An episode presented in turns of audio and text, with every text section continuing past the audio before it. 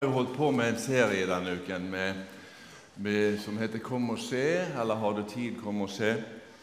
Og Jeg kommer til å henvise litt til den teksten som vi hadde nå, for den, den sier jo har et, eh, et poeng i det som jeg skal dele fra Haggais bok kapittel 1, som vi allerede har vært og lest litt i. Men jeg må jo få si fint å se en full sal. Fint å se dere som ikke har vært her. så mye, og dere som er langveisfarende med på besøk. Veldig hyggelig at dere kom. Jeg heter Stein Raunehaug. Jeg er tømrer av yrke. Har et firma og, og er evangelist i NLM. Reiser om vinteren og jobber om sommeren med, med byggehus. Bare så mye til gjestene, så ikke de tror at jeg kommer fra månen eller noe sånt. Jeg pleier å si at jeg har samme arbeid som Jesus hadde, men jeg har litt mer fartstid enn han hadde.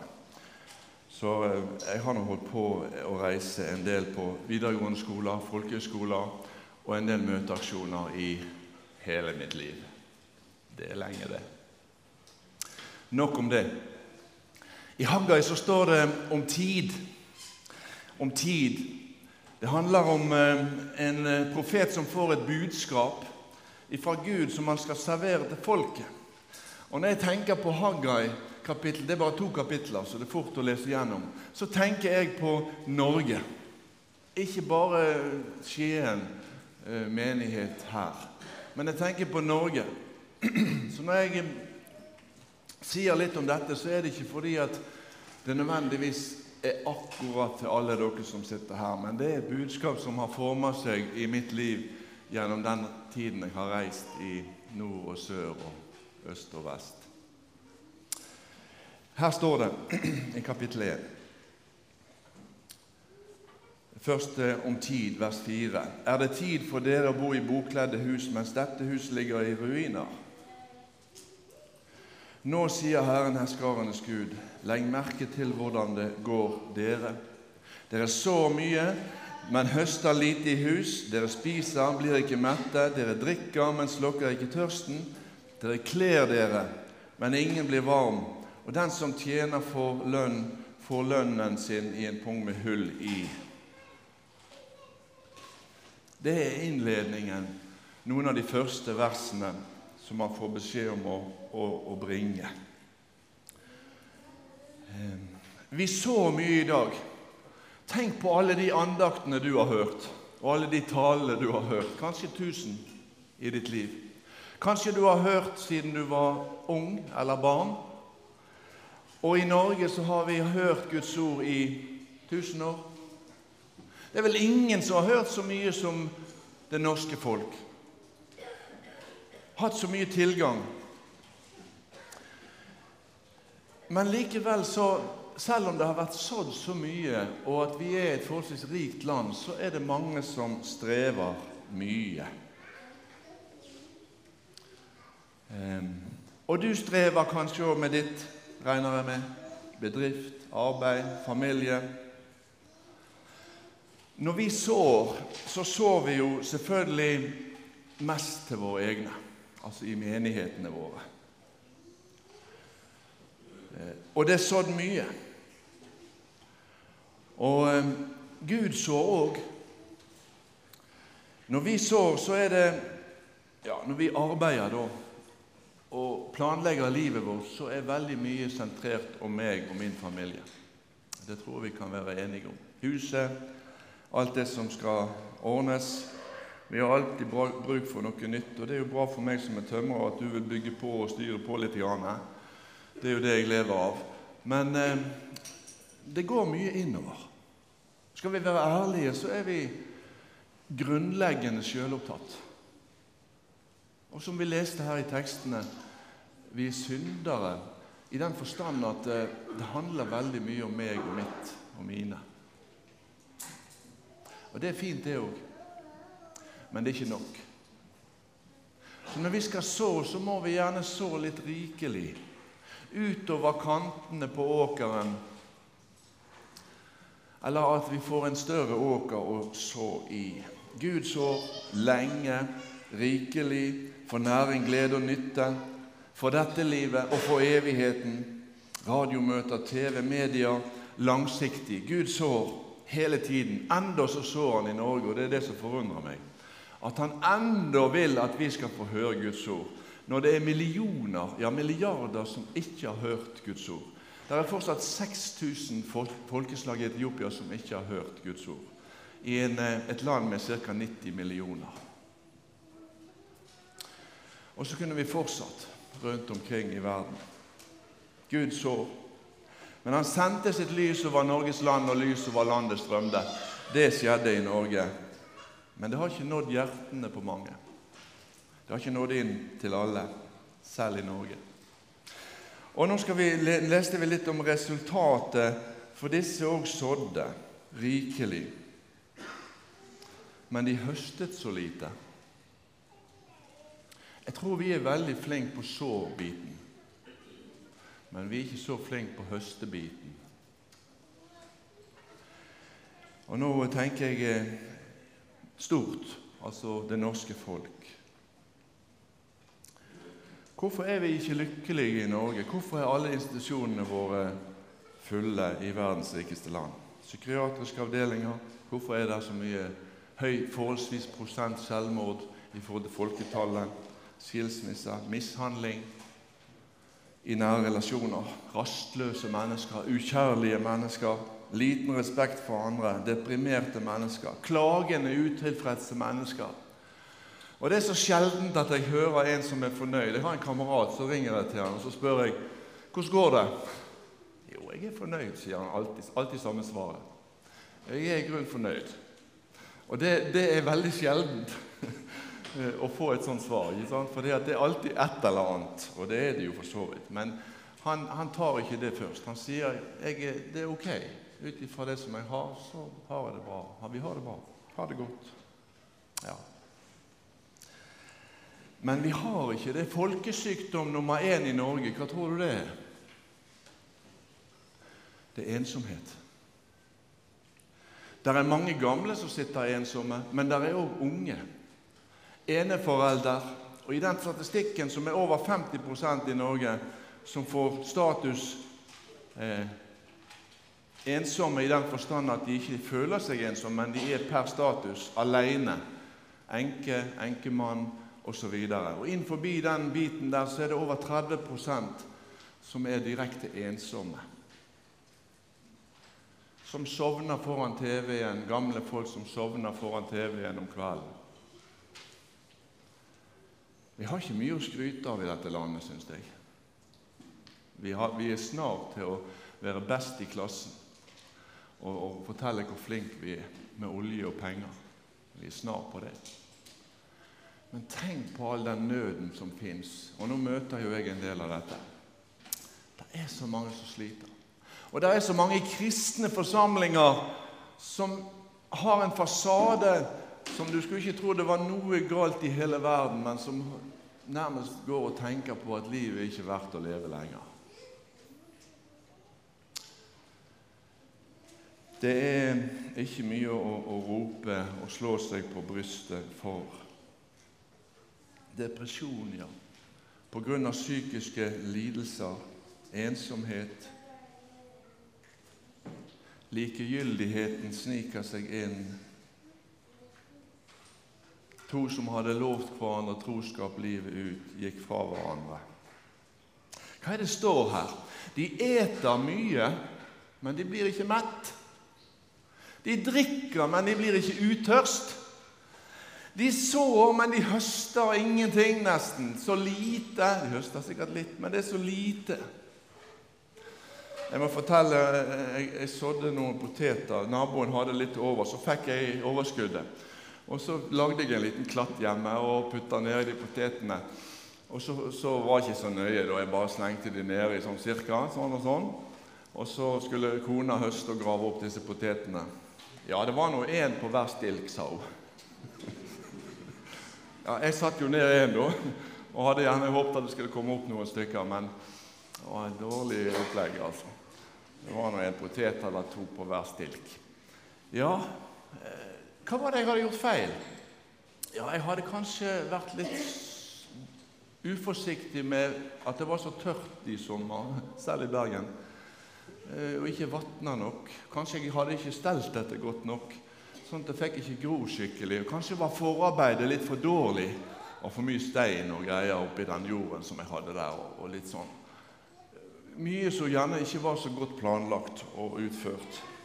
Det kan være en av grunnene. Og eh, hva eter du når du ikke blir mett? Det er jo så mye å oppleve i dag, og det er så mange kick når ungdommen snakker om kick. Jeg må ha et, en opplevelse, og jeg må ha, ha en opplevelsesferie. Jeg skal ikke ha en vanlig liten ferie på hytta, jeg skal ha en opplevelsesferie. Ja, eh, det er populært. Men de hører ikke til noen plass. De driver og møtesurfer. Eh, de eh, vandrer rundt på kick og opplevelser. Og så, så driver de med sånn gatekjøkkenspising. De stikker innom et møte en søndag hvis det passer, hvis de har tid. Det som skjedde med israelsfolket, det var at de hadde og det, det er alvoret i det, de hadde mistet Guds velsignelse over arbeidet sitt. Og det var ikke fordi de ikke sådde og jobba på og strevde på en god og fin måte. Men de hadde mistet Guds velsignelse. Og da var det ikke så viktig hvor mye de sådde, hvor mye de jobba og slet. For det ble jo så lite igjen.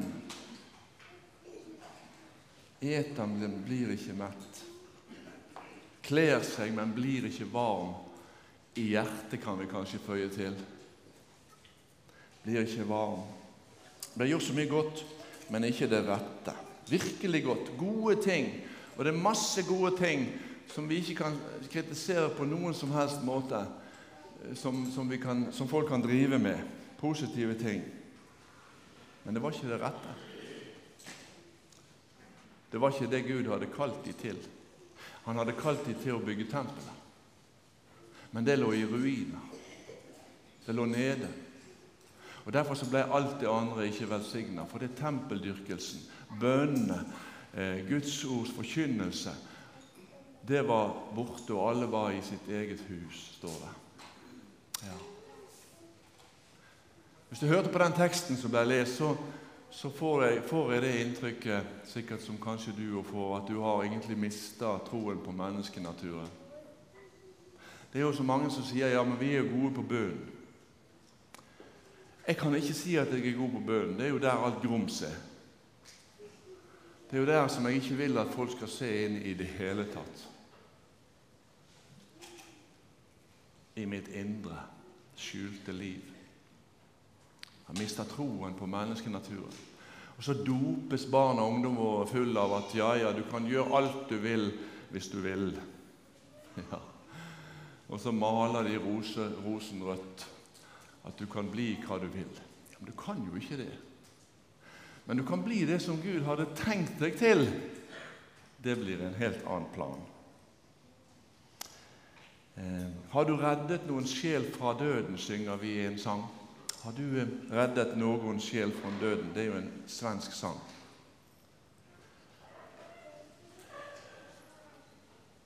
Det er mitt store spørsmål har jeg fått vært med og reddet en sjel fra himmelen.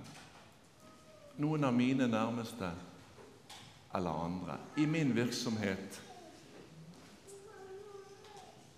så har mitt liv vært Det har lykkes.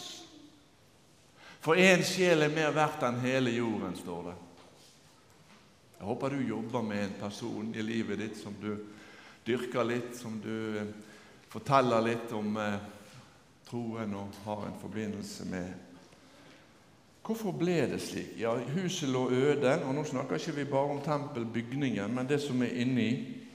Himmelen har lukket seg over dem, jorden holder grøden tilbake.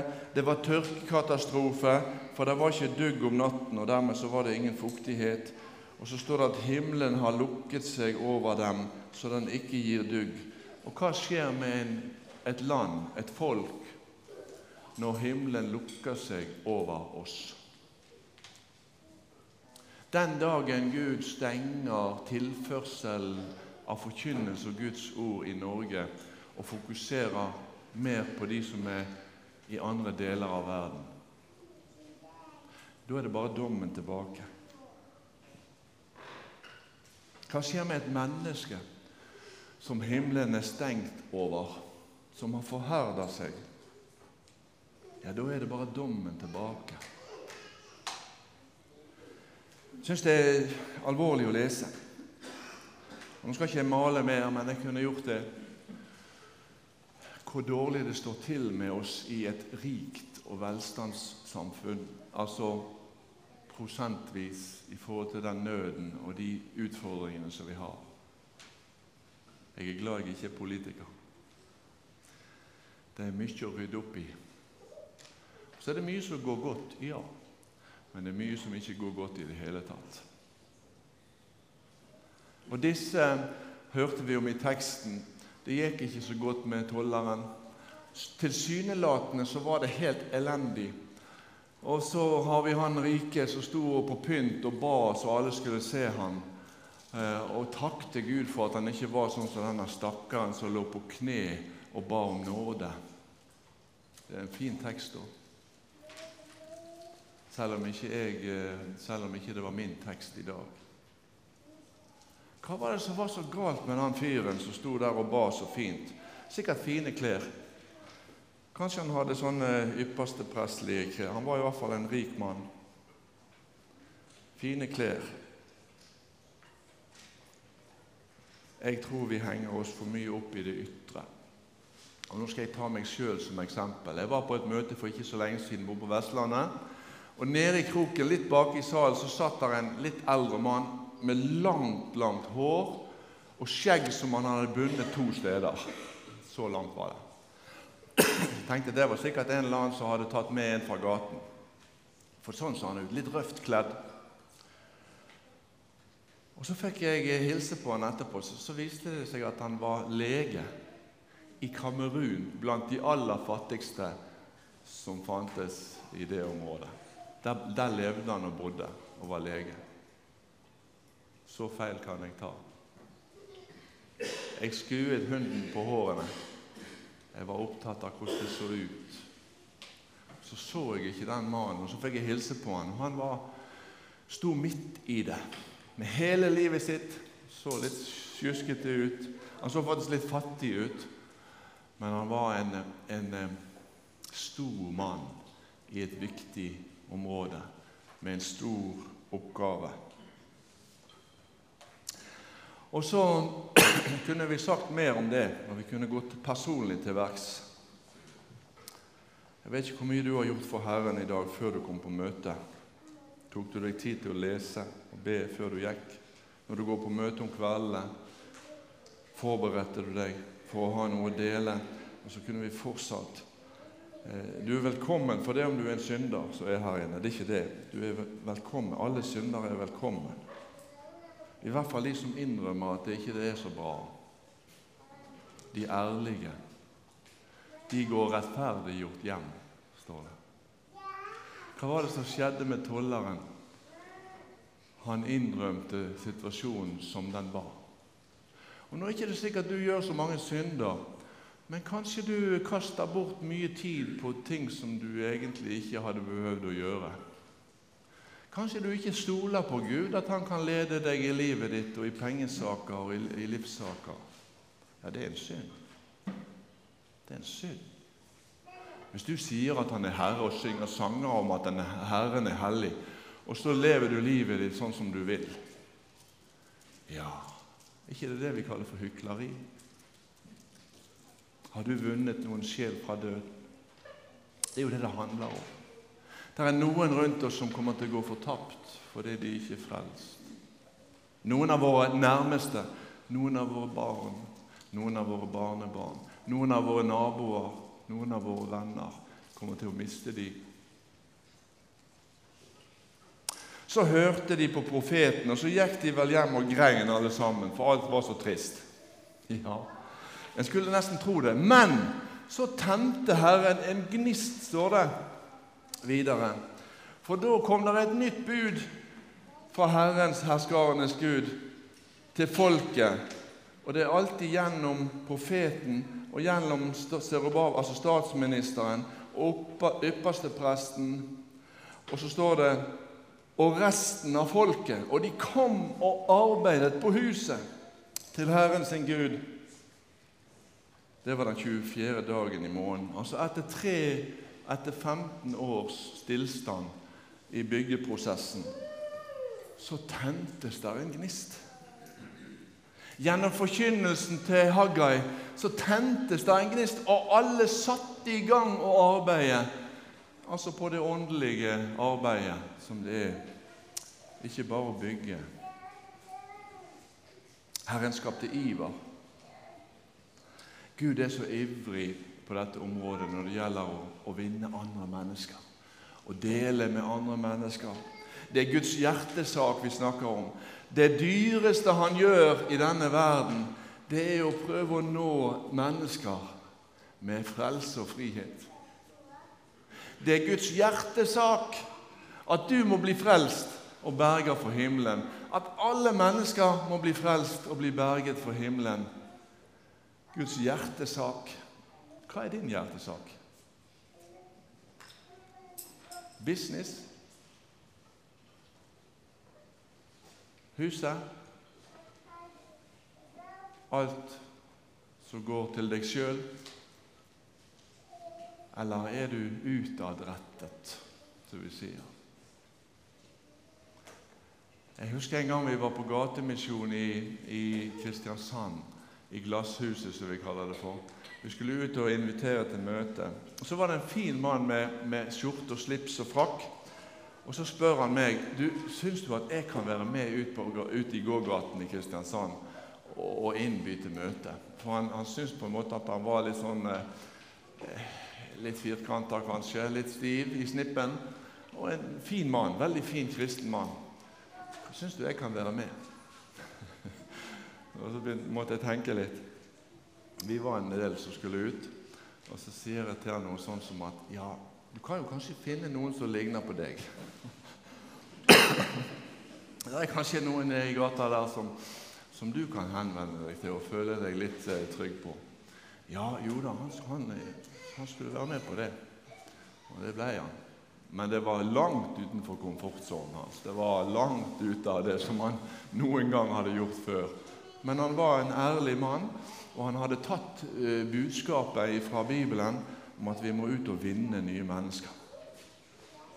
Og Så ble han med, og jeg syns det var så fint. Jesus er ivrig. Han vil at vi skal være ivrige, at lederne skal være ivrige, og på at det smitter videre på de som er rundt folket. Og nå tenker jeg ikke på å være sånn hodeløs positivist, men også inspirere til at dette arbeidet som er Guds hjertesak, det får jeg lov å være med på. Jeg får lov å delta med det som Gud holder på med. Det største av alt på denne jord å bringe det store, gode budskapet til alle hjørnene, alle stedene og alle menneskene. Han vil så gjerne ha deg med på det vil du være med på det? Eller vil du helst si ja, jeg er pensjonist? Ja. Det er vel ingen som har, har det så vi kan bruke så godt som vi Iallfall tidlige pensjonistene, som ofte er spreke, til å evangelisere. Hvorfor skulle ikke de det? Hvorfor skulle ikke de gå på gatene og finne noen folk å dele? Jeg gir et lite tips siden jeg står her. Der er sånne minnepenner. Og Noen de legger inn noen bibelord, litt tekst kanskje en preken eller to, noen, eh, noen linker, så har de med seg en minnepenn. Så treffer de folk som de treffer gjerne to minutter, tre, fire, fem. Og så får ikke en snakket så mye på så kort tid. Men så har de denne minnepennen. Kan ikke du bare ta med deg den? Og noen har litt arabisk på hvis de møter innvandrere. Eh, kan ikke du bare ta med deg den, og så hører du litt på det? Og så kan vi jo snakke seinere hvis du har lyst, og ta en prat om det som du har hørt Jeg syns det var en veldig god idé som en ungdom kom med til meg nylig. En liten minnepenn. Vi hadde alltid traktater før, noe som vi kunne gi fra oss. Det tentes en misjonsgnist. 70-, 80- og 90-årene var gode tiår for i Norge. med vekkelser og liv mange steder i, i landet vårt. Og jeg syns det var så fint. Jeg har møtt noen unge mennesker som ber om vekkelse i nærmiljøet sitt. Og unge voksne som har det som bønneemne å be for vekkelse i Nordhordland. Og I dag så er Steinar Harila i Nordhordland og avslutter sin møteserie. Og Han er jo en utadretta type evangelist. Dere vet hvem han er. Og Det som starta Misjonssambandet, det det, var, det var, noen galne kvinnfolk i Bergen.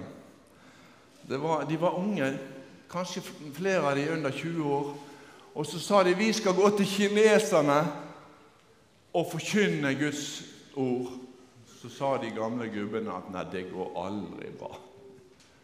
Dere, dere kan heller gi litt til misjonen. Og det var vel i sin tid Misjonsselskapet.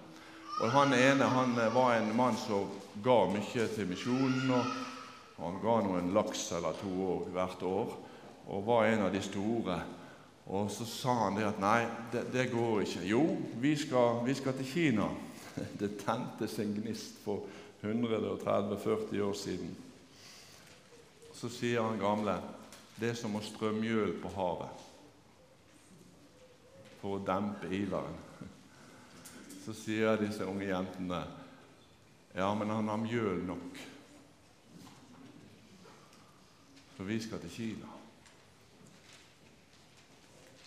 Tenk om vi kunne få reist opp noen unge mennesker, 20 minus pluss, som ennå har frihet til å velge litt, til å gå inn og tennes for evangeliet og få det ut i landet vårt og ut til jordens grenser. Vekker han iver hos deg når du hører forkynnelse?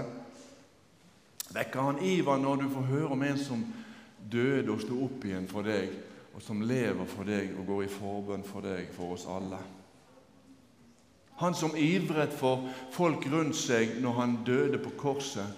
Ta vare på min mor, Johannes. Så lå han der full av blod, og det rant og så sier han, 'Du, Johannes, ta vare på mor når jeg forlater stedet her.' Og så var han opptatt av de som var rundt seg, midt i dødens pine og smerte. Er du ivrig etter å tjene, frivillig, med glede, eller blir det mest et sånn programfestet kalenderproblem for deg?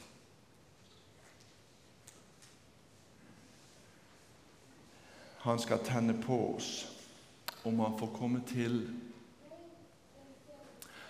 Han har så inderlig lyst til å møte deg på kne, ja, sånn som tolleren, og ikke på tå. En har sagt det er bedre med en kristen på kne enn en filosof på tå. Vi har så mye meninger i dag. Vi har så mye strategier. Vi har så mye bra ting. Men eh, hvor ble det av bønnemøtene? Hvor ble det av sjelevinnerarbeidet? Det utadrettede arbeidet? Og Jeg tror ungdommene de har rett når de anklager oss for å bruke for mye tid på det indre liv i menigheten. Og det er òg rett. Det er riktig. Misforstå meg ikke. Men kanskje for mye tid og for lite tid til de som er utenfor. Han skal fornye sitt folk, står det. Og de bygde Herrens tempel med glede. Han kan gjøre det i dag og på nytt, eller for, som vi sang, for tusende gang får jeg komme til Jesus. Amen. Takk, Herre, for ordet ditt. Takk for lille, dette lille kapittelet i Haggai som du har minnet meg om når det gjelder folket vårt. Og Nå må ikke vi gjøre det sånn som de gjorde det, men at vi først må søke deg og ditt rike og det kallet som du vil vi skal drive med her på denne jord, og lede oss på den vei som du hadde tenkt. Og la oss være villige, ydmyke tjenere som går når, vi, når du sier 'gå', og som stopper òg når, når du sier at vi skal stoppe.